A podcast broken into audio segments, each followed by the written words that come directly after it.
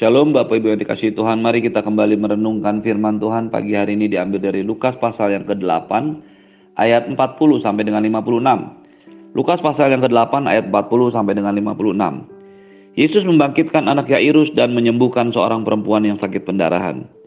Ketika Yesus kembali, orang banyak menyambut dia sebab mereka semua menanti-nantikan dia. Maka datanglah seorang yang bernama Yairus, ia adalah kepala rumah ibadat. Sambil tersungkur di depan kaki Yesus, ia memohon kepadanya supaya Yesus datang ke rumahnya. Karena anaknya perempuan yang satu-satunya yang berumur kira-kira 12 tahun hampir mati. Dalam perjalanan ke situ Yesus didesak-desak orang banyak. Adalah seorang perempuan yang sudah 12 tahun menderita pendarahan dan tidak berhasil disembuhkan oleh siapa pun juga. Ia maju mendekati Yesus dari belakang dan menjamah jumbai jubahnya dan seketika itu juga berhentilah pendarahannya. Maka kata Yesus, siapakah yang menjamah aku? Dan karena tidak ada yang mengakuinya, berkatalah Petrus, Guru, orang banyak mengurumuni dan mendesak engkau. Tetapi Yesus berkata, ada seorang yang menjamah aku sebab aku merasa ada kuasa keluar dari diriku. Ketika perempuan itu melihat bahwa perbuatannya ketahuan, ia datang dengan gemetar, tersungkur di depannya, dan menceritakan kepada orang banyak apa sebabnya ia menjamah dia dan bahwa segia seketika itu juga menjadi sembuh. Maka katanya kepada perempuan itu, Hai anakku, imanmu telah menyelamatkan engkau. Tapi pergilah dengan selamat. Ketika Yesus masih berbicara, datanglah seorang dari keluarga kepala rumah ibadat itu dan berkata, Anakmu sudah mati, jangan lagi engkau menyusah-nyusahkan guru. Tetapi Yesus mendengarnya dan berkata kepada Yairus, Jangan takut, percaya saja dan anakmu akan selamat. Setibanya di rumah Yairus, Yesus tidak memperbolehkan seorang pun ikut masuk dengan dia kecuali Petrus, Yohanes, dan Yakobus, dan ayah anak itu serta ibunya. Semua orang menangis dan meratapi anak itu. Akan tetapi Yesus berkata, "Jangan menangis, ia tidak mati tetapi tidur." Mereka menertawakan dia karena mereka tahu bahwa anak itu telah mati. Lalu Yesus memegang tangan anak itu dan berseru, katanya, "Hai anak, bangunlah." Maka kembalilah roh anak itu dan seketika itu juga ia bangkit berdiri. Lalu Yesus menyuruh mereka memberi anak itu makan. Dan takjublah orang tua anak itu. Tetapi Yesus melarang mereka memberitahukan kepada siapa pun juga apa yang terjadi itu. Bapak Ibu yang dikasih Tuhan, kita sudah mendengarkan, belajar membaca ayat ini dan ayat ini tentu saja juga ditulis dalam kitab Matius dan juga Markus. Matius pasal 9 dan Markus pasal yang kelima satu peristiwa di mana terjadi sebenarnya dua kejadian, dua mujizat, dua perkara ajaib yang terjadi dalam satu peristiwa. Yang pertama itu adalah peristiwa dibangkitkannya anak Yairus dari kematian. Walaupun di, dari sisi waktu ini adalah peristiwa yang kedua, tetapi pagi ini saya ingin melihatnya sebagai peristiwa yang harus dibahas lebih dulu. Mengapa? Karena cerita ini diawali oleh kembalinya Yesus dari daerah atau kota Gerasa, tanah orang Gedara, kembali ke daerah Kapernaum, Tiberias, dan sebelah barat dari Danau Galilea. Karena Gerasa dan Gedara berasal atau berada di daerah sebelah timur dari Danau Galilea. Sekembalinya Yesus, orang banyak menyambut dia sebab mereka semua menanti-nantikan dia. Dengan mujizat perkara ajaib yang sudah dikerjakan oleh Tuhan Yesus sebelumnya, kembalinya Yesus dari Gerasa sangatlah dinanti-nantikan orang. Salah satu yang mendatangi, yang menunggu Yesus adalah Yairus. Dia adalah kepala rumah ibadat. Tentu saja yang dimaksudkan adalah kepala rumah ibadat orang Yahudi atau agama Yahudi. Seperti yang kita tahu pada masa itu sudah tidak ada lagi bait Allah di kota Jerusalem. Sehingga yang saya maksudkan bait Allah yang pertama yang dibangun oleh Salomo. Ada bait Allah yang dibangun berikutnya yang kedua yang masih berdiri. Dan di dalam setiap tempat atau kota yang jauh dari Jerusalem pastilah dibangun rumah ibadat, rumah ibadat, sinagoga, sinagoga yang dipimpin, dikepalai oleh orang-orang yang ditunjuk oleh imam-imam kepala, tua-tua dan Sanhedrin. orang-orang yang memang berkuasa dalam agama Yahudi pada waktu itu, baik secara agama maupun secara politik. Jadi Yairus ini adalah kepala rumah ibadat yang betul-betul diangkat oleh imam-imam kepala, tua-tua Yahudi. Dia menanti-nantikan Yesus. Dia menunggu Yesus karena dia sedang ada dalam sebuah kebutuhan yang sangat berat. Anaknya perempuan satu-satunya sakit keras dan memang tidak lama kemudian anak ini pun mati. Dia menunggu Yesus karena dia sudah mendengar bagaimana Yesus menyembuhkan orang yang sakit dia menunggu Yesus karena dia tahu dia bisa mendapatkan pertolongan dari Yesus saja. Kalau saja ada seorang tabib yang bisa menyembuhkan, meredakan, dan memulihkan kondisi anak perempuannya, dia tidak perlu menunggu Yesus. Dia menunggu Yesus karena kondisi kritis yang dialami oleh anak perempuannya. Itulah sebabnya dia menghampiri Yesus, lalu bersujud dan tersungkur di depan kaki Yesus memohon kepadanya supaya Yesus datang ke rumahnya. Bapak Ibu yang dikasih Tuhan, sering kali ketika kondisi keadaan hidup yang kita alami terjepit, pepet, tidak ada pilihan lain selain Tuhan. Maka mau tidak mau kita akan mendatangi Tuhan dengan cara yang tidak lazim. Apa yang dilakukan oleh Yairus tersungkur di depan kaki Yesus adalah sebuah hal yang sangat tidak lazim bagi orang Yahudi. Mereka tidak boleh menyembah patung, mereka tidak boleh menyembah manusia. Mereka hanya menyembah kepada Allah. Mengapa Yairus harus dengan terpaksa dia tersungkur di depan kaki Yesus dan memohon supaya Yesus datang ke rumahnya? Pertama, dia menanggalkan kedudukan status sosialnya sebagai kepala rumah ibadat karena adanya kebutuhan yang mendesak yang sangat kritis anak perempuan satu-satunya sakit keras. Keadaan itulah yang membuat dia memaksa mengharuskan dia merendahkan dirinya untuk tersungkur di depan kaki Yesus. Ini adalah sebuah keadaan yang tentu saja diketahui oleh Yesus dan juga Bapa di surga. Seringkali Tuhan memaksa Anda dan saya, kita ada dalam satu kondisi yang terjepit terdesak dan tidak tahu lagi harus berbuat apa-apa. Keadaan yang memaksa kita untuk datang dan tersungkur di depan kaki Tuhan. Sesuatu yang mungkin tidak pernah kita lakukan. Seringkali dalam ibadah-ibadah kita melihat ada hamba-hamba Tuhan, ada orang-orang yang terpaksa harus berlutut oleh karena satu keadaan yang dialami dalam hidupnya. Tetapi sebenarnya yang diinginkan Tuhan bukanlah kondisi yang terpaksa, tapi sebuah kesadaran bahwa Allah itu memang layak disembah.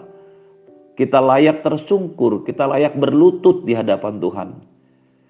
Untuk membangkitkan kesadaran ini, sering kali Allah membawa Anda dan saya, mengizinkan Anda dan saya masuk dalam situasi-situasi yang membuat kita terjepit. Walaupun dalam kondisi demikian, tetap saja ada orang-orang yang masih terus merendah, tidak merendahkan diri, sebaliknya menyombongkan diri. Dan orang-orang yang demikian pastilah tidak akan mengalami sesuatu yang ajaib, pertolongan Tuhan yang dahsyat. Yairus, dia merendahkan diri, dia berlutut di depan kaki Yesus. Dan memohon supaya Yesus datang ke rumahnya. Dia tahu persis Yesus tahu siapa dirinya.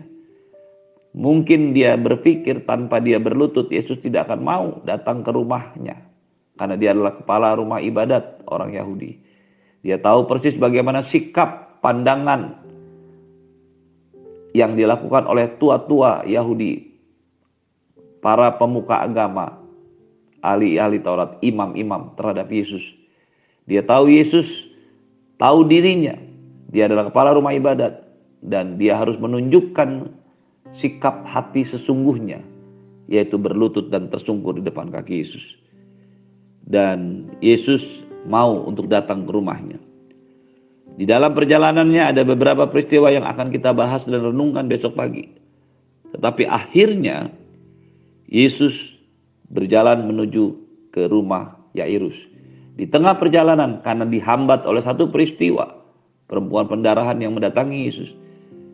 Anak perempuan Yairus mati dan ada orang yang menyampaikan kepada Yairus, anak perempuanmu sudah mati, engkau tidak perlu lagi menyusah-nyusahkan Yesus atau guru.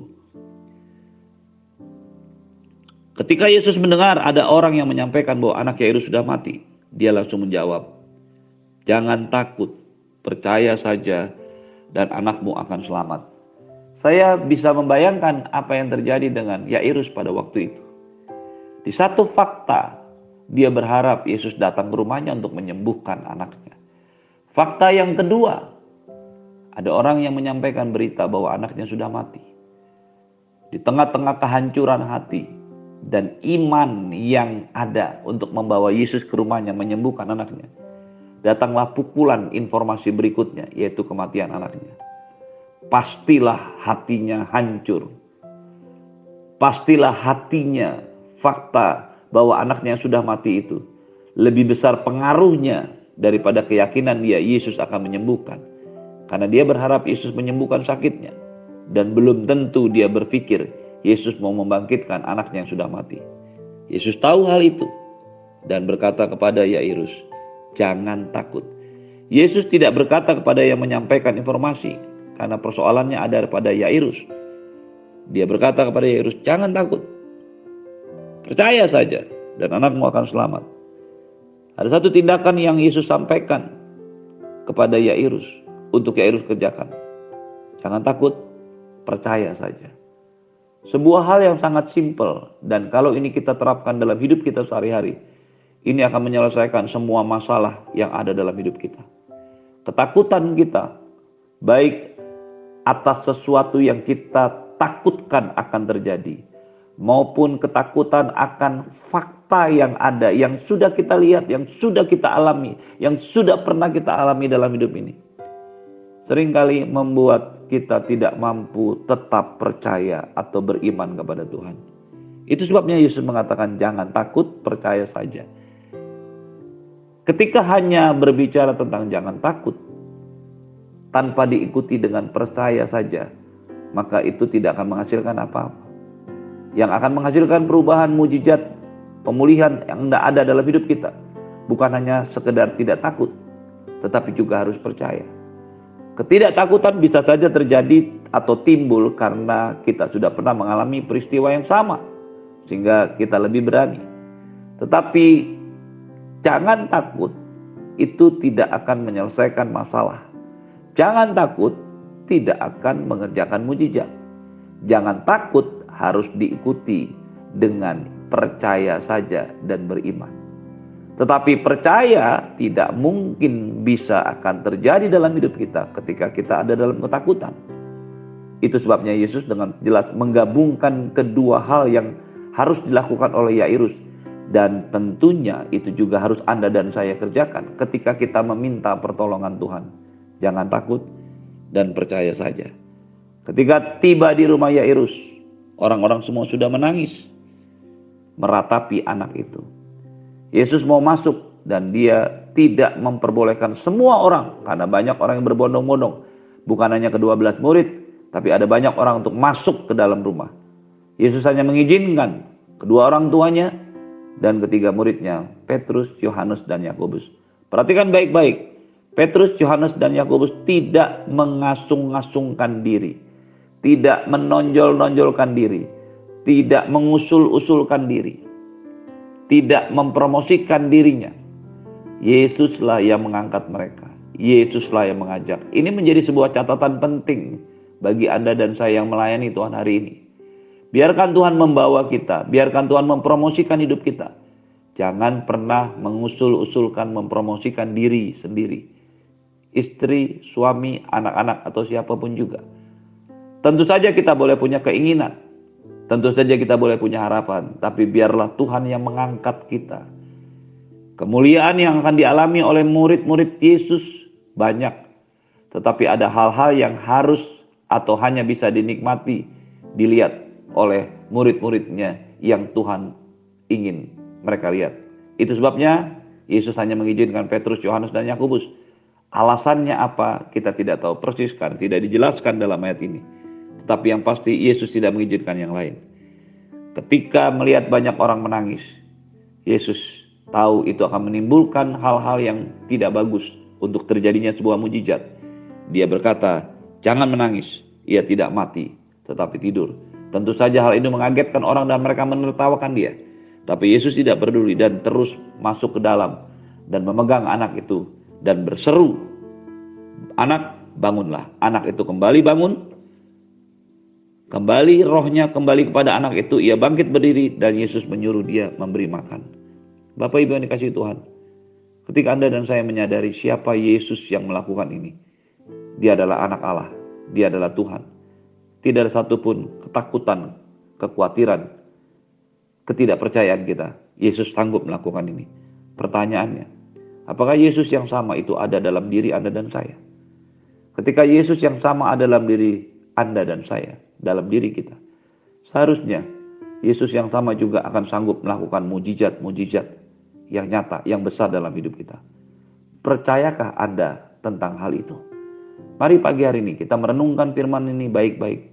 Percayalah, percayakah Anda bahwa Yesus yang sama akan melakukan mujizat dalam hidup kita. Jangan takut terhadap apa pun yang akan terjadi dalam hidupmu. Tekanan, kesulitan apa pun. Percaya saja. Dan bersama-sama dengan Yesus kita akan lakukan perkara-perkara yang besar dan ajaib. Terimalah berkat yang berlimpah dari Bapa di surga, cinta kasih dari Tuhan Yesus, penyertaan yang sempurna dari Roh Kudus menyertai hidupmu hari ini dan sampai selama-lamanya. Di dalam nama Tuhan Yesus, semua yang percaya katakan amin. Shalom, selamat pagi.